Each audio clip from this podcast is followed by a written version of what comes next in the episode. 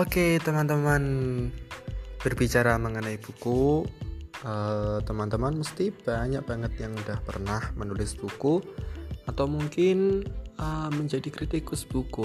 Ya, memang berbicara mengenai buku banyak sekali eh, poin-poin penting yang sayang untuk dilewatkan. Jadi, jangan tinggalkan channel kali ini di podcast Irfan Seribu, Yuhu.